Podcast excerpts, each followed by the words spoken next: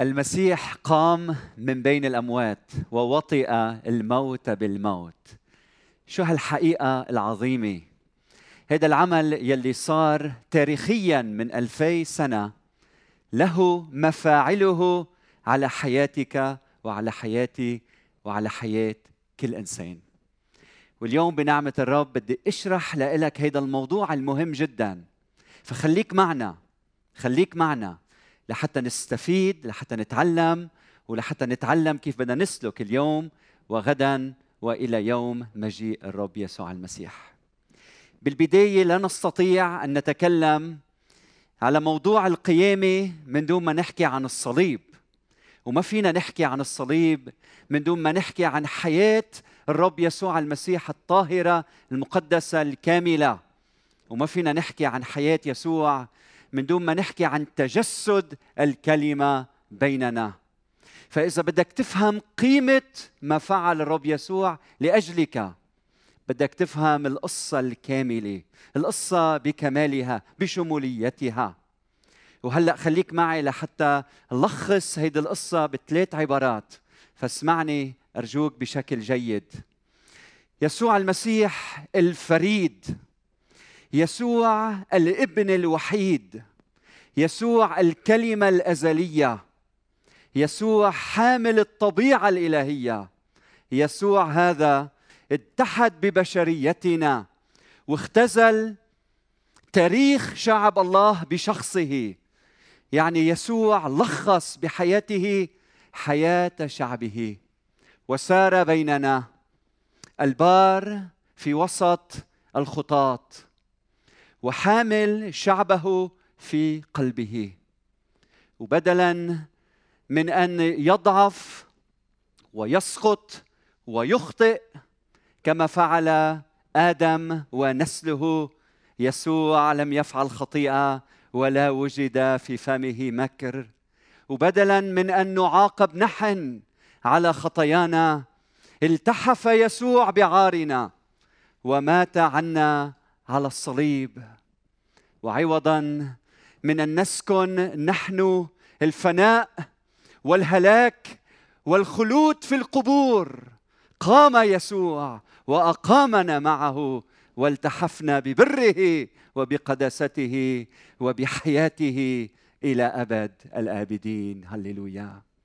وإذا أنت بدك الحياة الأبدية تحتاج أن تدخل في يسوع الحياة.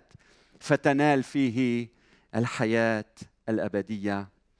اسمعني أرجوك بدي خبرك قصة يسوع. يسوع يلي هو من نسل إبراهيم. نعم يسوع من نسل إبراهيم لكن منشوف إنه إبراهيم قدم له السجود والتقديمات. هو ابن داوود نعم لكن داوود قال قال الرب لربي أي قال له ربي نعم فيه تحققت النبوات فقيل عنه من مصر دعوت ابني. آية كان مفترض أن تشير إلى شعب الله عند خروجه من مصر أرض العبودية. ولكن هذا الشعب خسر امتياز البنوة بسبب خطاياه. اسمعني أرجوك تخبرك عن يسوع يلي لما أتى إلينا دخل عالم الصحراء. وعاش في البرية أربعين يوما يجرب من الشيطان. كما جرب الشعب أربعين سنة في البرية لكن يسوع لم يسقط لم يضعف أمام الشيطان لم يخطئ كما فعل شعب الله في القديم. ونفعل نحن كل يوم كل يوم في حياتنا. نعم يسوع اختزل تاريخ شعب الله. يسوع عبر نهر الأردن واعتمد فيه كما اعتمد شعب الله في القديم في الأردن وعبره. لكن يسوع الوحيد الذي يسر قلب الآب. وسمعنا صوتا من السماء يقول له وله فقط هذا هو ابن الحبيب الذي به سررت. يعني ولا شريعة ولا نبي من الأنبياء ولا رسول ولا معلم شريعة ولا بتول يسر قلبي كابن الوحيد لأن يسوع وحده لم يخطئ. بينما كل الأنبياء والرسل والقديسين عثروا وسقطوا وأذنبوا. خليك معي تخبرك عن يسوع يلي اختار لنفسه 12 تلميذ يرمزون لأسباط إسرائيل الاثني عشر ليصبحوا النسل المتجدد الذي يحقق وعود الله لإبراهيم. اسمعني لأحكي لك عن يسوع الذي صعد على الجبل كما فعل موسى. وأعطانا الوصايا وصايا الملكوت. نعم كما فعل موسى. لكن بيسوع أتى الله إلينا بملء الإعلان الإلهي. هو الوحيد الذي يستطيع أن يقول قيل لكم أما أنا فأقول. أي أنا المشرع أنا الكلمة التي تعبر عن فكر الله. أنا الناطق بالأنبياء. ثم نرى يسوع ينزل من على الجبل وكداود يطارد من شاول المسكون ومن هيرودس الثعلب الملعون ولكن يسوع بالكلمة يحضر الملكوت ملكوت الله الحقيقي بين الناس. خليك معي تحت خبرك عن يسوع الذي قال من رآني رأى الآب كيف ثبت وجهه واتجه نحو الصليب نحو السبي فكما سبي الشعب في الماضي هكذا يسوع. نراه عند الصليب تسبى كرامته تسبى إرادته. نعم باختياره لأن مشيئته أن يعمل مشيئة الآب الذي أرسله. وأخيرا تسبى حياته. ليس لأنه فعل خطية بل لأنه أحب الخطاة. ليس لأنه لص بل لأنه اتحد باللصوص. ليس لأنه شرير بل لأنه بار أحب الشرير حتى المنتهى. فسبي سبيا كاملا وعلى خشبة الصليب علق يسوع مكانك. فكل من ينظر إلى يسوع على الصليب يرى نفسه فيه. نعم نعم أنا المجرم أنا من يجب أن يعلق على الصليب. ويوضع عليه الإكليل إكليل من شوك وتضرب المسامير في يده ورجليه ويطعن بالحربه لكن الحب الإلهي سبق يوم الدينون العظيم وصلب البار عوضا من الأثيم ومات يسوع الابن. فلو كان فقط انسانا يسوع لمات لأجل إنسان. لكن لأنه ابن الله مات من أجل العالم أجمع. من أجلك أنت لكي تنال به الخلاص. ولكن ليس للسبي الكلمة الأخيرة. يا حسقيال تنبأ على هذه العظام. تنبأ تنبأ. فوقفت جيشا عظيما. وفي اليوم الثالث بعد موت البار تدحرج الحجر من على الباب فتفجرت الينابيع حياة. وقام رب الحياة. ومؤلفها وقامت معه أجساد القديسين. قمنا معه منتصرين غالبين. المسيح قام حقا قام ونحن قمنا معه. ويسوع الذي اتحد معي بموته أتحد أنا معه بقيامته من بين الأموات. وكل واحد بحط ثقته بالرب يسوع المسيح. يستطيع أن يقول أنا قمت لحياة جديدة مع الرب يسوع المسيح. وأنت اليوم اسمعني أرجوك تنتقل من آدم الموت إلى يسوع الحياة. عندما تعطي حياتك ليسوع عندما تتحد بيسوع عندما تقبل يسوع رب الحياة مخلص في حياتك. كيف تقبل يسوع في حياتك؟ لما بتصرخ مثل ما صرخ اللص اللي على الصليب وقال اذكرني يا رب متى أتيت في ملكوتك. لما تولد من فوق ولادة ثانية مثل ما طلب يسوع من نقديموس ولما بتصرخ مثل العشار وبتقول اللهم ارحمني أنا الخاطي. ومثل التلاميذ بتترك الشباك وبتقرر إنك تتبع يسوع تمشي خلف يسوع. فبتنتقل من قطار ذاهب إلى الجحيم إلى قطار ذاهب إلى النعيم. من قطار اسمه آدم الأول يلي فيه نموت جميعا. إلى يسوع رب الحياة قطار الحياة الذي فيه ننال الحياة إلى أبد الآبدين. فقرر مصيرك اليوم. قرر مصيرك اليوم. هل أنت تريد آدم الأول إلى الموت؟ ولا تريد أن تكون في آدم الثاني في يسوع المسيح الذي يعطيك حياة وحياة أبدية. ما أجمل هيدي الكلمات أن يسوع مات وقام لأجلنا.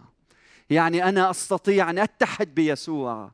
فمات يسوع عن خطاياي وقام لأقوم أنا معه في حياة جديدة. والسؤال هلأ عمليا ماذا يعني هذا الكلام؟ شو المقصود أنه يسوع قام من بين الأموات وأنا قمت معه عمليا؟ كيف أنا بدي أعيش اليوم؟ أنت لما بتتحد بيسوع المسيح أنت بتتحد فيه. ولما بتتحد فيه يسوع بيصير همك بيستحوذ على كل اهتمامك. فما فيك تفوت بيسوع وتبقى كما أنت. ما فيك تآمن بيسوع وبتبقى أعمالك كما كانت قبل إيمانك بيسوع. أنت لما بتعطي حياتك ليسوع بتصير تسلك مثل أبناء القيامة وليس كأبناء الموت كأبناء الموت. وهلأ بدي ساعدك عمليا كيف تعيش كابن للقيامة يسوع المسيح بمتى 25 حكى عن فئتين من الناس. قال اذهبوا عني يا ملاعين وقال تعالوا إلي يا مبارك أبي. إذا أنت بدك تكون من المباركين حط ثقتك بيسوع. ولما بتعطي حياتك ليسوع بينتج عن هيدا الشيء أعمال صالحة بتمجد الله في حياتك. شو المطلوب عمليا منا؟ اولا إذا أنت قمت مع يسوع لا تبقى في الفراش.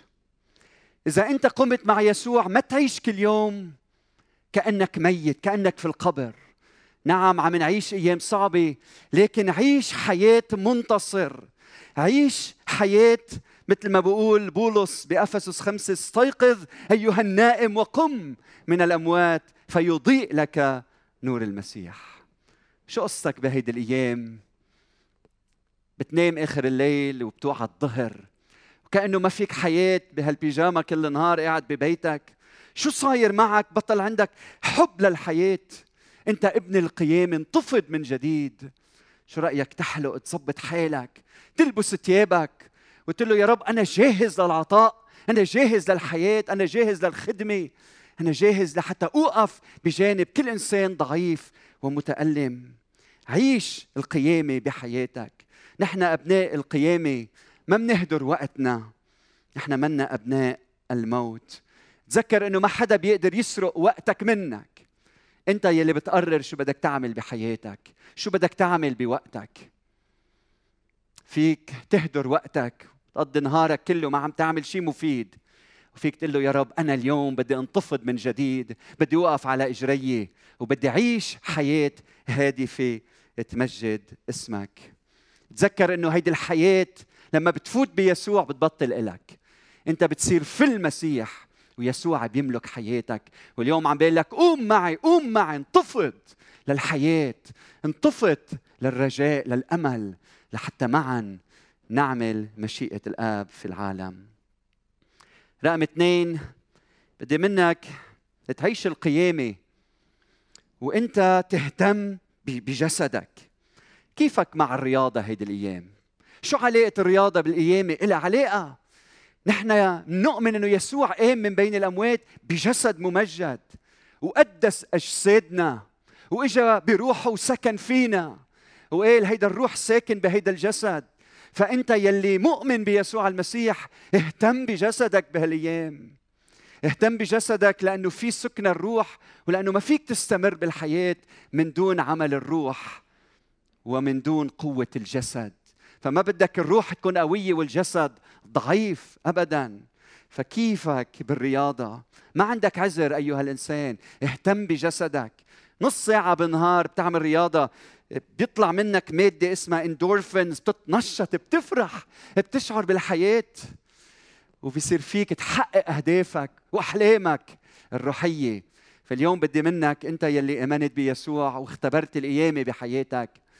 إنك تستخدم وقتك بحكمة وتهتم بجسدك أيضا. وماذا عن الأكل؟ شو قصتك مع الأكل هالأيام؟ صحن رايح صحن جاي. بوشار رايح بوشار جاي. بسكوي رايح شوكولا جاي. أنت يلي عم تختبر قوة القيامة اليوم. تذكر إنه قوة القيامة بحياتك. بتقدر تعطيك قوة بحياتك وبإرادتك لحتى تقدر تعيش يلي بدك إياه. وما تشعر حالك مسبي. عم تعمل أمور أنت ما بتحبها بحياتك. إذا بدك تقود غيرك بدك أول شيء تقود نفسك. إذا بدك تقدر تأثر على غيرك بدك تاخذ مواقف. وأصعب شيء أحيانا إنه نقود ذواتنا.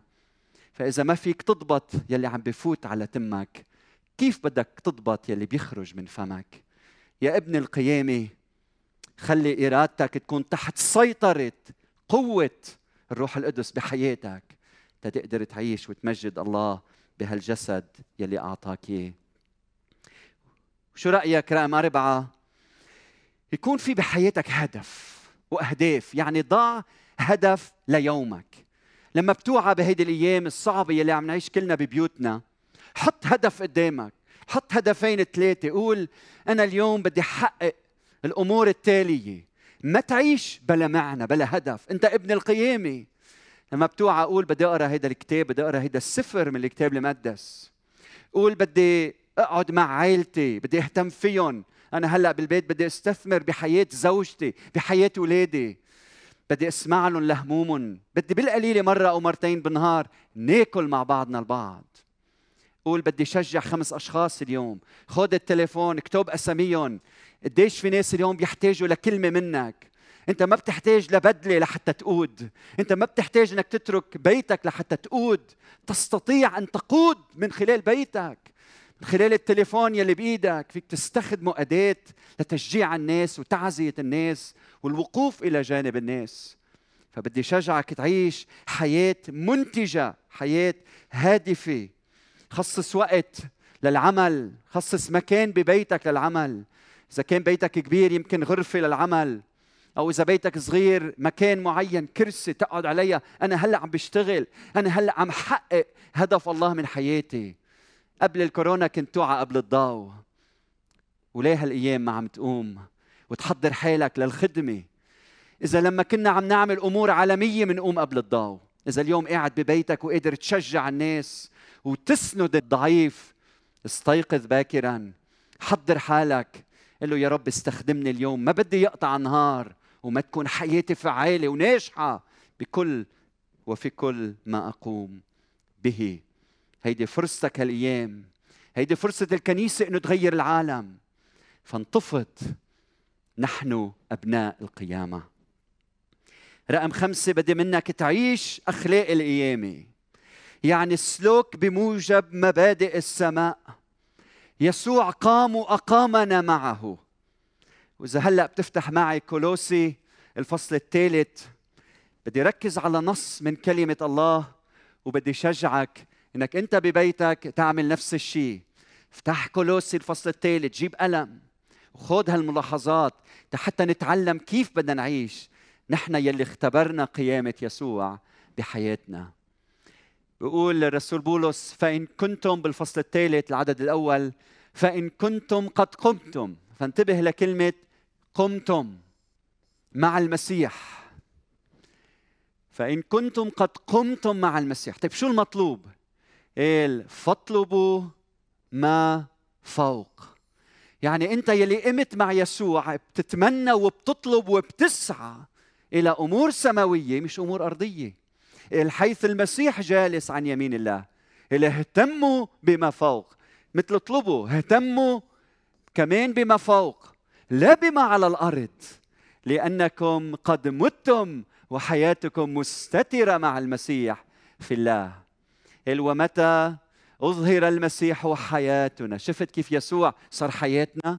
فحينئذ تظهرون أنتم أيضا معه في المجد. وهلأ بيشرح لنا شو هي الأمور الأرضية يلي مش لازم نفتكر فيها ونعيشها. بيحكي عن خمس صفات قال فأميتوا أعضاءكم التي على الأرض. طيب ما هي قال أولا الزنا. الزنا يعني كل علاقة خارج الزواج المقدس بين رجل واحد وامرأة واحدة. هيدا يعتبر زنا قال نحن أبناء القيامة تحررنا خلصنا من خطية الزنا. اثنين النجاسة. الزنا يولد نجاسة في حياتنا. لما واحد يزني وسخ الزنا هو النجاسة.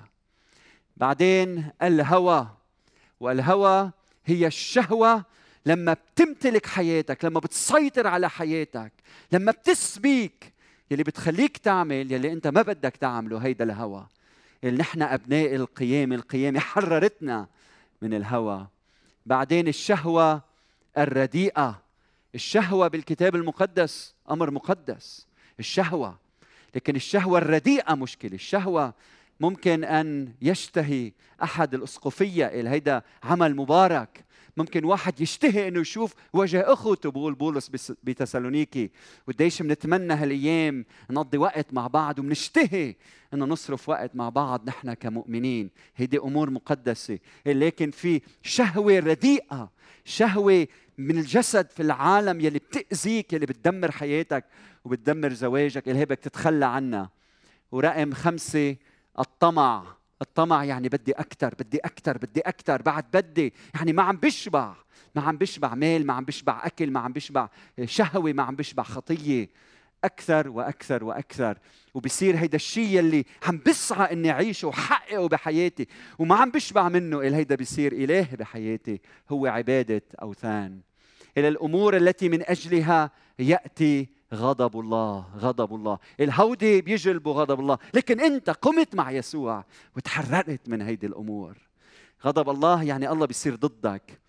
وإذا الله بيعمل معركة ضدك مين برأيك بيربح المعركة؟ هل فيك عليه؟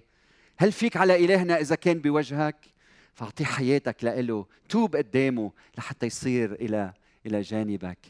إلى الذين بينهم أنتم أيضا سلكتم قبلا حين كنتم تعيشون فيها. وبيتابع بالعدد الثامن وبقول وأما الآن فاطرحوا عنكم أنتم أيضا إلى الكل. وهلأ بيعطينا صفات خمس جداد. بيقول اولا الغضب اثنين السخط.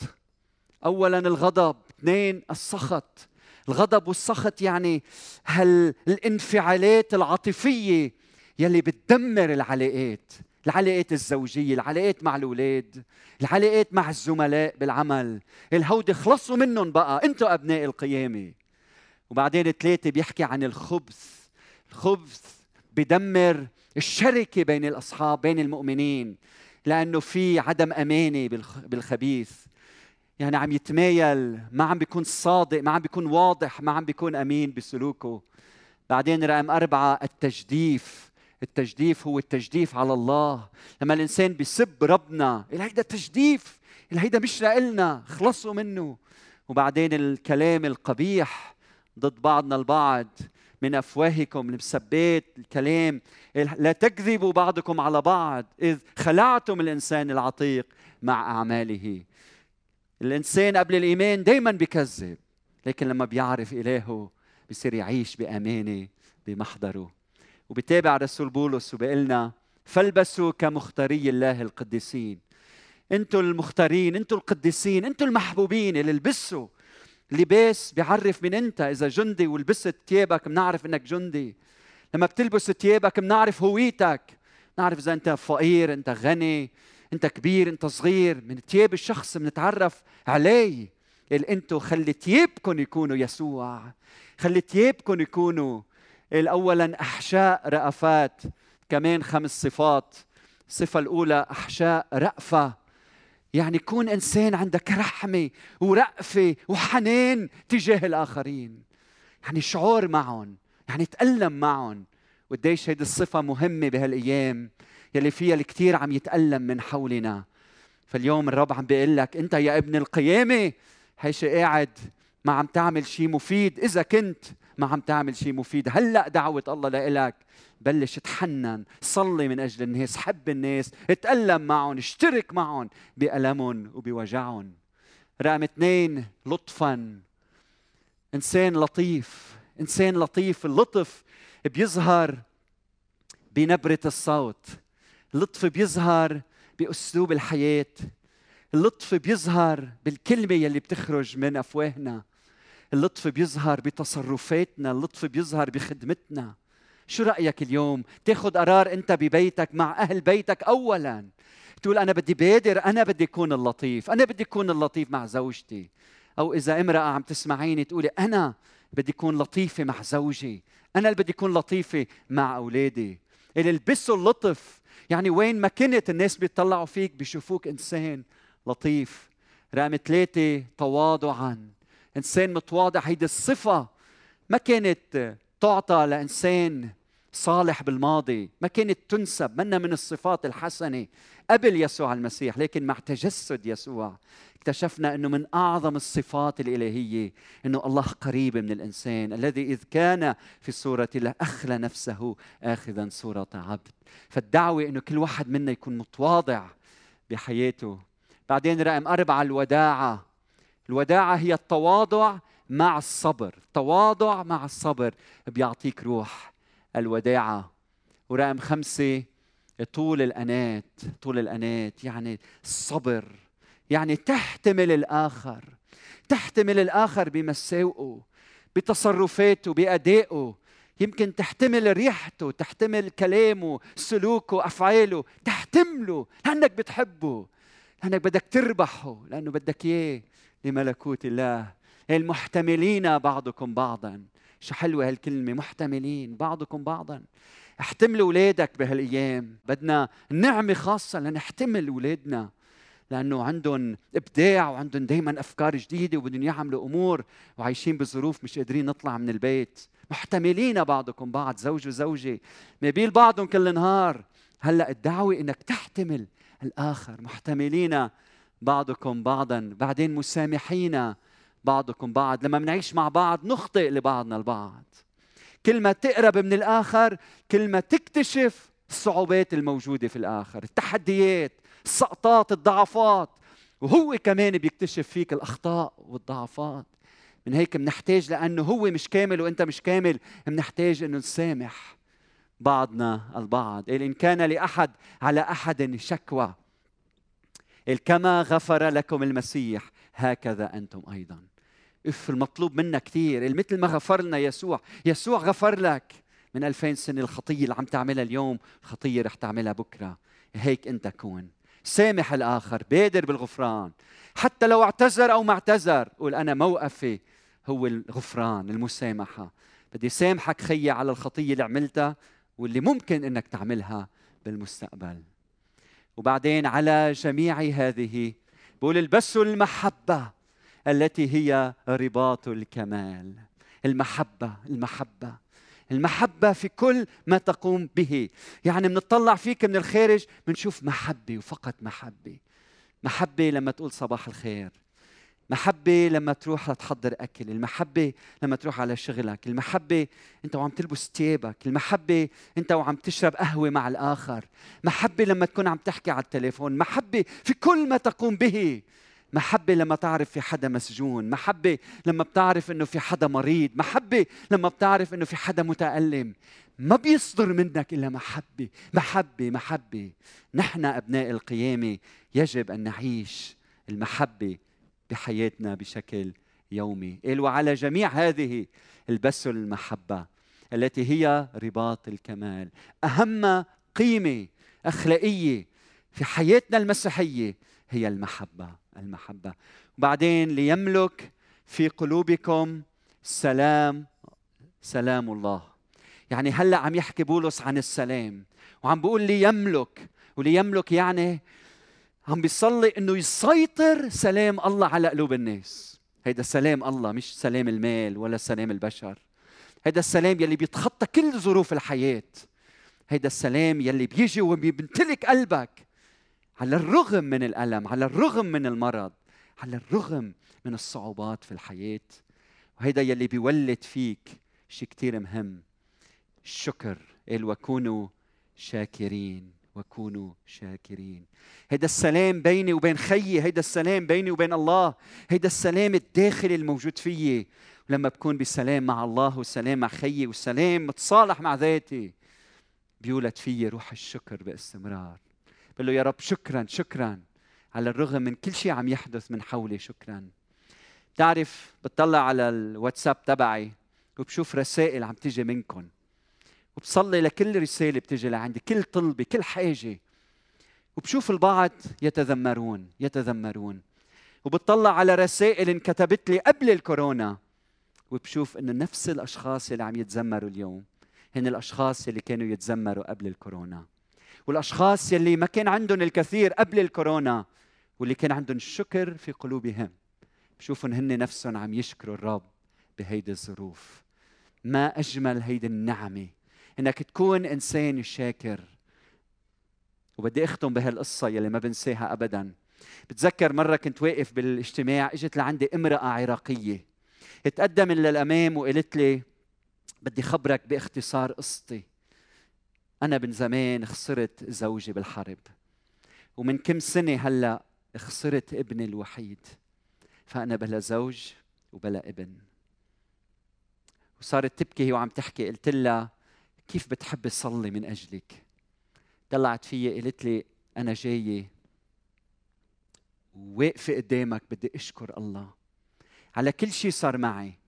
وشالت مبلغ من المال قالت لي بدي أعطي الكنيسة هذا المبلغ. تعبير عن شكري لإلهي. وكان دوري أنا تنزل دمعتي. لأنه شفت بامرأة تألمت من هالحياة لكن بقي في قلبها شكر. صادق لله. هيدا الشكر. ما حدا بيعطيك إياه إلا إله السماء اللي بيعرف الماضي والحاضر والمستقبل. هذا الإله الحاضر بحياتك والحاضر في كل مكان. هيدا يلي الإله يلي أقام ابنه يسوع المسيح من الموت وقوة القيامة عم تعمل فينا حتى نعيش حياة الشكر. فشو رأيك تاخذ يلي سمعناه؟ وإنت تصلي هيدا النص وهيدا بدي شجعك تعمله هلأ. إنك تاخذ كولوسي ثلاثة وتقرأ هالكلمات ويا ريت في وقت لحتى اكتب لك كل كلمة على جنب وبعدين مع بعض نصليهم. وما في أجمل منك كل يوم الصبح توعى وتقول له يا رب أنا بدي صلي كولوسي ثلاثة